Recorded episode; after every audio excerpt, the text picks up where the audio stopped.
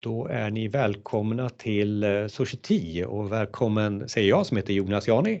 Jobbar i eh, våran eh, portfolio som vi kallar det när vi jobbar med de största ämnena med våra största kunder.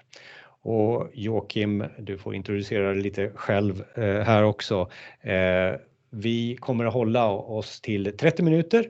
Vi kommer ha frågor på slutet mycket, men jag kommer också att ta, försöka ta eran röst utifrån eh, när Joakim eh, beskriver det som vi nu kommer prata om eh, och ställa de här lite udda, kanske lite påfrestande frågorna för Joakim så att vi får rätt svar på det värde som vi vill ge er under de här minuterna.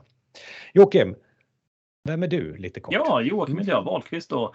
Jag är ansvarig för det vi kallar vår portfölj för data och AI här i Society Sverige. Så allt som spänner ifrån dataplattformar och ända upp till till det mest avancerade AI. Det är min hemmabana och jobbar med affärsutveckling och försäljning i det här området.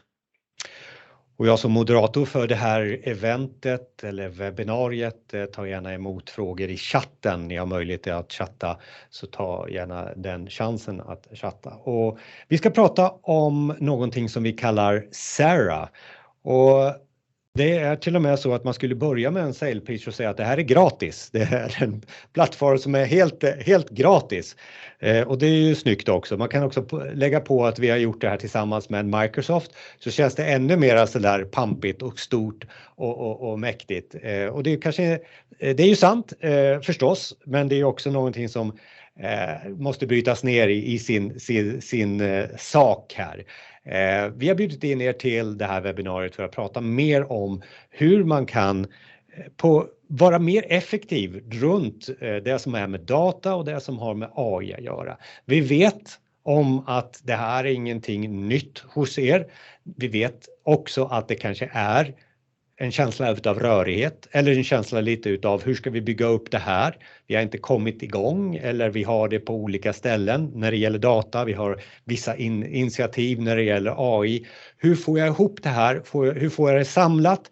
Hur får jag tankarna att landa i ett konkret väg framåt? För vi vet både eh, om att det här, vi vet alla om att det här är liksom en utmaning när man har en organisation som liksom behöver eh, känna av vad det är det här handlar om, men också ta eh, eh, ett kliv tekniskt in i att prata mer om dataplattform, prata mer om var data och AI ska befinna sig någonstans i organisationen. Och Vi har också lovat i det här webbinariet har så lite PowerPoint som möjligt. Nu kan jag kanske inte lova att det blir helt PowerPoint-fritt, Joakim, utan vi måste ha lite pedagogiska bilder. Lite reaktioner på det jag säger här, Joakim, inledningsvis. Ja, men du är helt på det och vi har ju upplevt att många av våra kunder har ju så klart startat med sin resa till att samla data på något mer eller mindre strategiskt strukturerat sätt. Flera av våra kunder har ju också startat igång olika AI-initiativ, men där börjar det bli lite svårt för att det finns liksom inget självklart sätt. Hur ska man driva det här? Hur ser plattformarna eller plattformen för varje organisation ut kring just AI-frågan? Hur sätter man det här i någon form av produktionskontext där det skalar och funkar liksom, eh, ja, långsiktigt i linjen då? Eh, och Det är där vi ser att vi vi har en eh, väldigt bra lösning. Det nya guldet är ju data och hur kan man nu vaska det här guldet på ett bra sätt? Jag tänker såhär också Joakim, alltså kan vi inte börja berätta exakt vad Sara är för något? Vi lägger den sliden, även om vi då ska försöka ta det så lite PowerPoint-mässigt som möjligt. Kan du bara ta det så att alla har det i sinnet att det är det här vi pratar om konkret? Vi börjar med lite high-flying. Vad är vi säger Sara hela tiden, men Sara står för Scalable Adaptive Robust AI Hub, alltså en skalbar, anpassningsbar och samtidigt robust hubb för allt som har med AI att göra. Och Så lägger jag till lite grann att AI är ju ingenting utan data, så det är ju en modern data- och AI-plattform då. Eh, och Det här kommer ju sig av att men alla verksamheter på något sätt behöver börja bemästra de här två grenarna. Man måste liksom vara en master när det gäller data och man måste på något sätt bli en trollkonstnär när det gäller AI och börja använda de här förmågorna då för att faktiskt dra nytta av data och det, det guldet som du nämner här, kraften som finns i datat. Om man klarar av att automatisera och effektivisera på det. Då. Sen om man ska liksom, okej, okay, vad är Sarah då? Sarah är en plattform eh, som du redan har nämnt. Den finns i Azure, eller i alla fall ett samarbete med Microsoft så att den finns i Azure. Och det är en plattform som hanterar alla de delarna man behöver ha på plats för att kunna jobba strukturerat när det gäller data, det vill säga området som heter DataOps då, att hämta in, lagra, transformera, strukturera data och visualisera det, ofta i Power BI då. Eh, och sen har man nästa steg, det vill säga hur driftar man och utvecklar AI, machine learning funktionalitet, det område som kallas för MLOps. Då. Eh, och strukturen runt det och det kanske är något som man inte är så van vid. Alltså oftast är om vi utvecklar en mobilapp säger vi och så testar man den och nu vet nu har vi de här fyra funktionerna i mobilapp. Då vet man att så kommer de fungera. Vi kommer kunna skicka ut dem på marknaden och de här fyra funktionerna i den här appen kommer fungera så här om ett halvår, om två år. Så länge hårdvaran eller så här, har stöd för, för funktionaliteten så kommer allting fungera precis som man har tänkt. Så är det inte riktigt med AI. För AI, det är en modell som är tränad på data och datat representerar verkligheten och verkligheten förändras alltid. Vilket gör att om vi har tränat upp en AI-modell, machine learning, deep learning eller vad det kan vara för modell, på ett visst datasätt som har representerar så att säga hur det har sett ut hittills, så vet vi att den där modellen kommer sluta och, och liksom vara lika bra efter, det kan ta en vecka, det kan ta två år. Men datat förändras i och med att verkligheten förändras och då måste man ha funktioner för att validera hela tiden. Funkar det här fortfarande på samma sätt? Så att det, det körs liksom i bakgrunden och man, man validerar och säger ja, det går bra fortfarande eller nej, nu har det hänt något. Då måste man trigga igång saker för att kunna eh, helt enkelt träna om den här modellen med ny data och liksom ha process runt omkring hanteringen av, av en AI-modell i produktion. Då.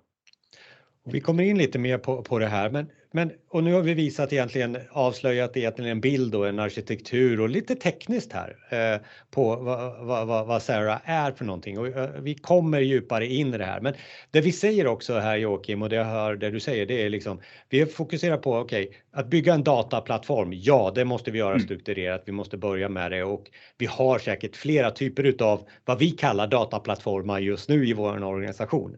Hur får vi ihop det? Plus hur förbereder vi oss för AI-algoritmerna som kanske är en liten annorlunda tanke om hur de ska förvaltas och hur de ska drivas i, i en organisation.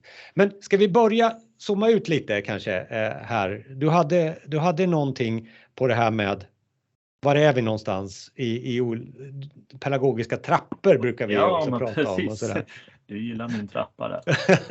eh, nu delade jag bort skärmen där. Vi går tillbaka och delar. Eh, För vi är väl nog alla olika på, på en, en trappa, en resa eh, när Exakt. det gäller det här du komplicerat börjar, säger. Mm, mm. Om vi zoomar ut då och tittar på vad är det vi ska åstadkomma här så, så skulle jag vilja slå ett slag för att man ska få till någon form av eh, här, industri kring data, en process kring data och skapa värden ur data. Vissa värden kan ju vara sånt som vi har hållit på med ganska länge, det vill säga visualisera data, få ordning och struktur så vi kan få insikter. Vi kanske kan skapa intelligens med lite enkla eh, statistiska eller matematiska AI-funktioner. Eller vi kanske till och med kan gå till automation då och ta automatiska beslut. Och sen nästa steg på något sätt ovanpå det här och kanske mer externt tänker man ju just nu mycket. Hur kan vi skapa innovativa och digitala tjänster då? Men på något sätt data är kärnan i det här. Då måste vi förstå att det finns så mycket data och vi behöver skapa en struktur för hur, hur samlar vi in all data som finns? Om den ännu kommer ifrån vår produktionsverksamhet eller från kundledet eller i den här appen som finns till vår tjänst eller vad det nu kan vara. då. Kommer in väldigt ostrukturerat förmodligen och så behöver man på något sätt få lite struktur och på andra sidan det här eh, löpande bandet så kommer det ut olika produkter av data då med eh, kanske en ny AI-modell eller en statistisk modell eller en enkel eh, rapport som visar något klokt så man förstår vad som händer i, i sin verksamhet. Då. Och för att få ihop det, det här är, det är ett stort område. Att hantera allt från att skörda data om man säger så till att bygga eh, någon färdig AI-funktion. Det är ganska stort. Det är inget man gör i ett slag så att säga. Så att då måste man ju ha en strategi. Hur bryter vi ner det här? Hur startar vi någonstans och, och kommer igång då? Och där är ju vårt förslag är att tänka väldigt stort och verkligen designa för den här industrialiseringen, processen som behöver finnas kring data. Och sen starta litet någonstans i ett hörn, bestämma oss för här ska vi starta. Och sen skalar man och har sedan möjlighet att skala upp och snabbt eh, komma vidare på, på många parallella strömmar. Då. Jag brukar säga att i, i framtiden så, så tror jag genuint på att AI kommer vara lika fundamentalt som elektricitet är. Man känner på den lite. Alltså vi, vi kom, precis som vi har elektricitet idag, det finns ju precis överallt. Så kommer vi ha det med AI. Det kommer finnas överallt, i våra hem, i våra verksamheter, varenda liten process. Överallt har vi saker som drivs av AI. Och då är frågan, hur kommer vi dit? Jo, men vi måste ju få till en skalning att det här sker på bredden på något sätt och inte ett use case i taget. Ehm, och då behöver man liksom verkligen fundera på hur, hur ser det här landskapet ut? Vad behöver vi driva? För det, det är många olika frågor som måste drivas på många olika nivåer. Och, eh, jag brukar dela upp alla förändringsresor som har med IT att göra i tre delar. Bottenplattan, det är teknik. Det måste finnas på plats, annars så händer det inte speciellt mycket på den tekniska sidan. Men lika viktigt är att se att det finns två arenor till. En som handlar om människor och processer, det vill säga hur gör man på riktigt i verkligheten eh, idag? Och sen har vi affärsstrategi och managementbenet som är mer, okej, okay, vad har vi för ambition? Vad vill vi med det här området? Hur vill vi att det ska se ut? Eh, och tänka mer strategiskt då. Ja, för att här, du bara bekräftar det som jag hade som en initial. Alltså, vi är ju alla olika på den här resan eller trappan och, och, och, och, och pointa in var vi är någonstans. Det är lite där du är inne på här och, och påvisa. Precis, för man behöver ju ha en, en självinsikt så att säga och förstå att här är vi. Eh, och många gånger då när vi kommer, man ska vara lite självkritisk kopplat till oss som IT-bolag, vi, vi är väldigt fokuserade på den här IT-trappan. Jag kan plocka upp den här den här, en, en trappa för innovation och den eh, liksom AI-driven innovation. Här är vi väldigt fokuserade, det får man väl ändå säga. Eh, det vi ofta glömmer och det vi vill förslå ett slag för här, det är att det finns två trappor till som handlar mer om den verksamhetsmässiga förändringen som är precis lika viktig eh, för att, för att nå framgång, för att komma till det här värdet som man vill uppnå. Då. Eh, så tekniktrappan här, men där kan man ju ha lite olika steg. Hur långt har man kommit i, hur mogen är man i, i sin, eh, sin resa med innovation här då. Eh, man kan göra hackathon eller POC och MVP och sådär. Det har ni säkert hört talas om de här koncepten. Sen är det viktigt att se det, att det finns två trappor till och jag tar upp dem samtidigt här för att de hänger väldigt mycket ihop. Hur man ser på det här området från affärssidan, managementsidan får en spegelbild i hur, hur verkligheten ter sig. Då. Eh, så först måste man bestämma sig för vad är vårt, vårt problem eller vår möjlighet? Var ska vi lä lägga energin? Och har man inte ens kommit dit så fortsätter verksamheten som den alltid har gjort. Då. Nästa steg blir att börja välja, okej, okay, vad ska vi gå på? Vilka olika use case har vi och vilka ska vi eh, starta med? så att säga. Och då kan man börja få med sig lite ambassadörer och eldsjälar som vill vara med på den här resan och driva det. Då. Och sen ett område som är lite svårare oftast det är faktiskt att bygga business case och på riktigt börja tänka om vi skulle göra det här nu, om vi skulle lyckas, vad får vi för värde då i vår verksamhet eller för vår kund eller vilken nu värde man vill skapa. Och då behöver man ju börja söka sponsorskap i ledningen och budgetar och så här då. Och, och på eh, kan jag säga, i verkligheten eller ute hos Eh, människor och processer så handlar det om att börja strukturera för att jobba med en förändring. För här kommer vi på något sätt påverka dagens eh, process så som det ser ut. Då. Och sen fortsätter det ju med mer och mer avancerade utveckling av så att säga, konceptet att börja driva change management på riktigt och verkligen använda de här nya funktionerna, piloter i verksamheten, inte bara piloter tekniskt. Då kanske börja bygga nya affärsmodeller och tänka hur hamnar det här ihop i vårt ekosystem med kunder och annat om man har sådana då. Eh, och faktiskt på riktigt börja använda ett nytt arbetssätt. Då. Och sen når man den här fantastiska nya möjligheten som, som man har haft framför sig. Då. Och det viktiga här att, att se det är ju att om man på ett magiskt sätt skulle kunna komma till längst upp i mittentrappan automatiskt, ja men då vore det ju fantastiskt. Men det går inte om man inte går före i både den övre och den undre trappan. Så man får liksom en liten slangbälleeffekt här då, eh, som drar, eh, drar uppåt. Eh, och ska man nu förenkla, nu står det väldigt mycket här och jag har inte gått igenom alla detaljer, men ska man förenkla så handlar det om att på de här tre nivåerna förstå vad ska vi göra, bevisa att vi kan och sen utför och, och komma till, till den nivån man eh, är ute efter. Då. En annan sak som kan vara viktig här är att se att i de här resorna så finns det några trappsteg som är lite svårare. Det är lite tuffare att ta sig förbi dem.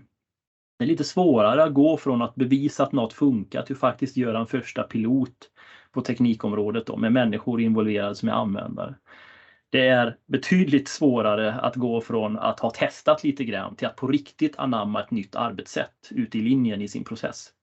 Och det är också väldigt svårt som jag nämnde innan då att på affärssidan, strategisidan, att, att faktiskt bygga ett business case och underbygga ett beslut så att man får det commitmentet som behövs. Då.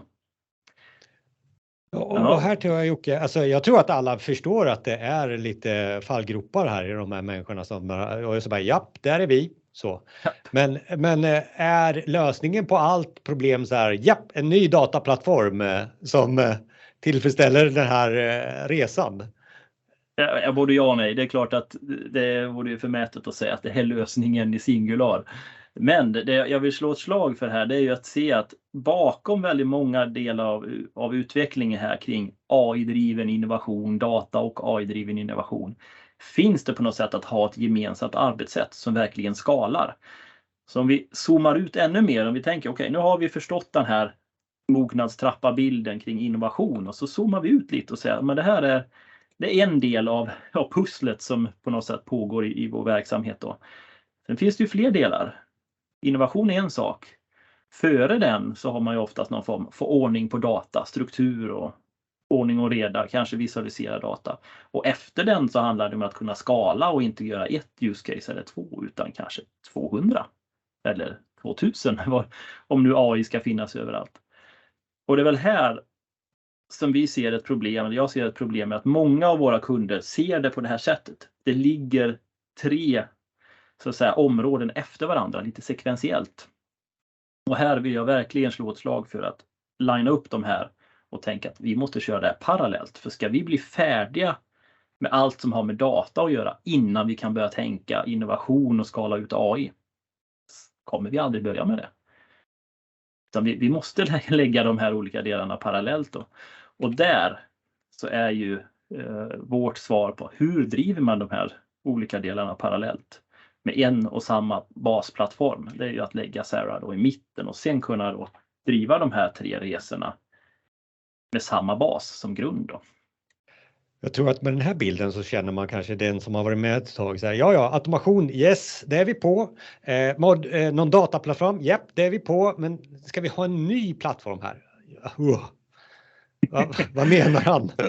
ja. ja, men du är tillbaka lite grann till den här bilden då kanske. Att, eh, man behöver ju ha lösningar för det som heter data ops då, alltså strukturera, hämta data och få ordning och reda på data. Det kanske man har en sån lösning. Då ska man såklart inte byta ut den. Kör man den i Azure eller någon annan plattform, använd den. Men högst troligt så har ni inte idag en plattform för att faktiskt skala ut och köra eh, AI machine learning i, i produktion och en, en större kontext. Då. då kan man använda den delen och bygga på här. Då. Och för att komma ner lite i detalj, jag vet eh, Jonas, du vill alltid dra upp mig från detaljerna, men om vi ändå djupar ner lite. Vad, vad är SARA på riktigt? För nu, nu, har vi pratat om den här akronymen och lite runt omkring. Så SARA är ett färdigt ramverk med allting som man behöver i form av arkitektur när det gäller data och AI, machine learning, alla funktioner, alla komponenter, hur de ska sitta ihop i Azure, det är viktigt att säga. Eh, Microsoft fokuserat här. Det är en arkitektur, men det är också färdiga skript för att generera upp hela den här plattformen. Så vi kan skripta upp den i era miljö. Då. Eh, så därför säger vi att det här går snabbt. Eh, det går betydligt fortare än 200 timmar men det behöver vara ett litet projekt för vi ska förstå vilket sätt ska vi sätta upp den och hur får vi access och få i ordning allting runt omkring. Eh, så det är en arkitektur som man kan skripta upp Dessutom så är alla pipelines, så att säga, dataflöden som behöver till och flöden kring det här vi, jag pratade om, hur man tränar om AI-modeller och så här. Det är förkonfigurerat.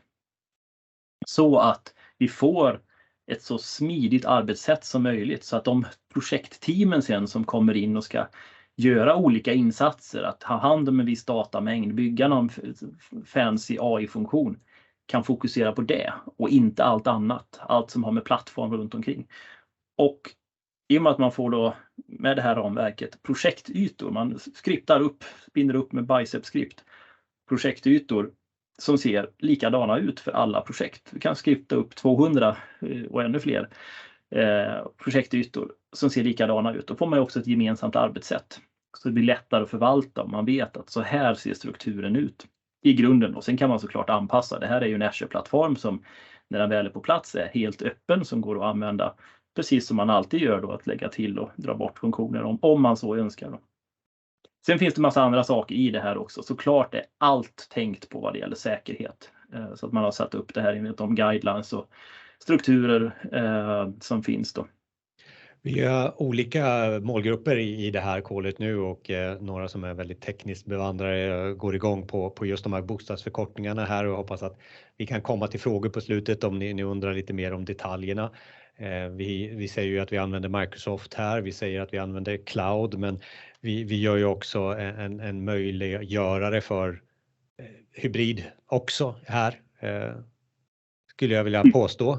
Joakim. Ja men absolut, det går ju att använda. Alltså, datat finns ju nästan alltid någonstans i ett systemlandskap on-prem eller lokalt om man säger så. Och så lägger man den här miljön ovanpå. Och är det så att man har en data lake redan på plats on-prem så skulle man kunna lägga de här delarna som kommer med MLOps, då, AI-biten i, i Azure. För att dra nytta av den styrkan. Då. Det finns mycket att säga runt de här detaljerna, ska jag säga, vad som finns i det här ramverket. Men det är så långt det är möjligt ett färdigt ramverk i Azure för att kunna jobba med data AI så att man inte behöver börja med att ta in en arkitekt eller till och med tre arkitekter som i ett till ett och ett halvt år ska sitta och vända och vrida på alla komponenter och komma på hur ska de här sitta ihop? Hur ska vi få det att funka? Hur kopplar vi upp oss? Hur får vi säkerheten? Hur ska data flöda? Det är klart. Så vi kan bara fokusera på att jobba med ert data och era tillämpningar och bygga de olika eh, AI-use-casen ovanpå datat. Man hinner inte med allt under eh, 30 minuter här, men Joakim lite på slutet sammanfatta lite vad vi har lyssnat och vad vi har kommit ja, fram men vi till. Kan väl, jag gillar ju att zooma ut ibland och, och jag tänker man ska ställa sig frågan varför ska vi hålla på med det här? Tänker jag. Varför ska vi jobba med data och AI? Är det egentligen något på, på riktigt? Eh, det låter ju spännande och sådär. Jag skulle bara plocka upp den här bilden som avslutning och, och visa. Det är en ganska stor studie som, som vår koncern har gjort, Capgemini som vi ingår i. Då. Hundratals bolag, 500 någonting, som man har tittat på. Hur hur ligger de till när det gäller data och, och, och bli datadriven? Och det är ungefär 16 procent som man kan säga är någon form av master kring data, på riktigt använder data för att skapa värden. Och för att bli det så har man ju liksom kommit långt både teknik och verksamhetsmässigt, det vill säga de, alla tre trappor. Det är två perspektiv här, men de tre trapporna. Då. Eh, det är 16 procent. I Sverige är det faktiskt 8. Så att vi, vi har lite att jobba med såklart, mycket, mycket möjligheter kvar. Men den sista punchlinen här, det är ju då att de som har kommit till den här övre kvadranten som är datadrivna, de har 70% högre omsättning per anställd. Det är enormt vilken skillnad i vilken output man kan få i sin verksamhet. Då. Och som ni ser 22% högre lönsamhet. Eh, såklart för en offentlig verksamhet så blir det en annan eh, touch på det. Det blir ju inte omsättning utan effektivitet. Man kan åstadkomma mer på den tiden man som, som anställd eh, lägger in då. Så det här är en enorm kraft som det här visar på och vi har ju sett verkligen hos våra kunder att när vi tittar på business performance, alltså hur väl går en verksamhet i förhållande till hur mycket de använder olika data liksom applikationer ovanpå data så finns det en väldigt tydlig korrelation. att Jobbar man mycket med data och skapar värde ur data så får man också ett, ett högre eh, output i sin verksamhet. Och jag tror att vi alla är olika typer utav eh, eftersom vi är på det här kolet också. Eh, vi är alla olika nivåer av vi behöver hjälp med det här. Vi behöver komma till det här utifrån den här fyrfältaren eller utifrån det som, som vi har lyssnat på. Vi måste börja någonstans. Vad, vad, vad kan vi hjälpa till med eh, som konsulter och rådgivare? Vi är ju så att säga på hela den här skalan, allt ifrån eh, den som är managementaktiga delen. Hur jobbar vi med kultur och beteenden och för att bli datadrivna? Och vi jobbar mycket med teknikplattformar såklart och hjälper kunderna på den här hela resan om man säger så. Eh, sen är det så att om vi pratar väldigt specifikt nu, just den här SARA-plattformen, SARA-plattformen och hur vi kommer igång med AI. Så, så är det här våran liksom egentligen trestegsraket för hur man kommer igång. Eh, först skulle jag säga att man måste bestämma sig för vad, vad ska vi göra? Alltså översta trappan, vilka use case ska vi eh, sätta igång med? Så man behöver göra någon form av det vi kallar AI discovery och köra en workshop. Kanske en halvdag i, i sitt minsta format för att hitta vad är det för nytta vi är ute efter? Vad ska vi åstadkomma? Och sen kör man en sån här Sarah Kickstart och får plattformen på plats. Så den finns. Vi kan börja och skala och införa första, andra, 30 use caset. Då. Så det är väl liksom steg 1, 2, 3. När vi gör det här och kommer göra det för, för, för kunder, vad, vilka utmaningar får man? Eh, kanske i steg två då? Eh.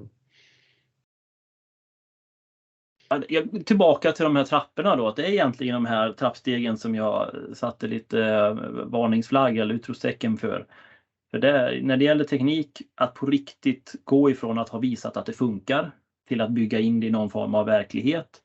Eh, och att den verkligheten sen används i verksamheten då, att man på riktigt nyttjar de nya förmågorna och har förändrat sitt sätt att arbeta. Där skulle jag säga, där är det oftast där det, det fastnar och en anledning till det, eh, det är ju att man har lite svårt på verksamhetssidan att faktiskt bygga sitt business case och, och förstå liksom, värdet som finns. De här 70% extra, om man ska abstrahera det så, Eh, det är ju det värdet som på riktigt finns, inte i alla use case kanske kring, kring data AI, men i många eh, som, som, skapar den typen av stora värden. Då. Och det där behöver man ju få ett commitment bakom så att man orkar och driva igenom resan.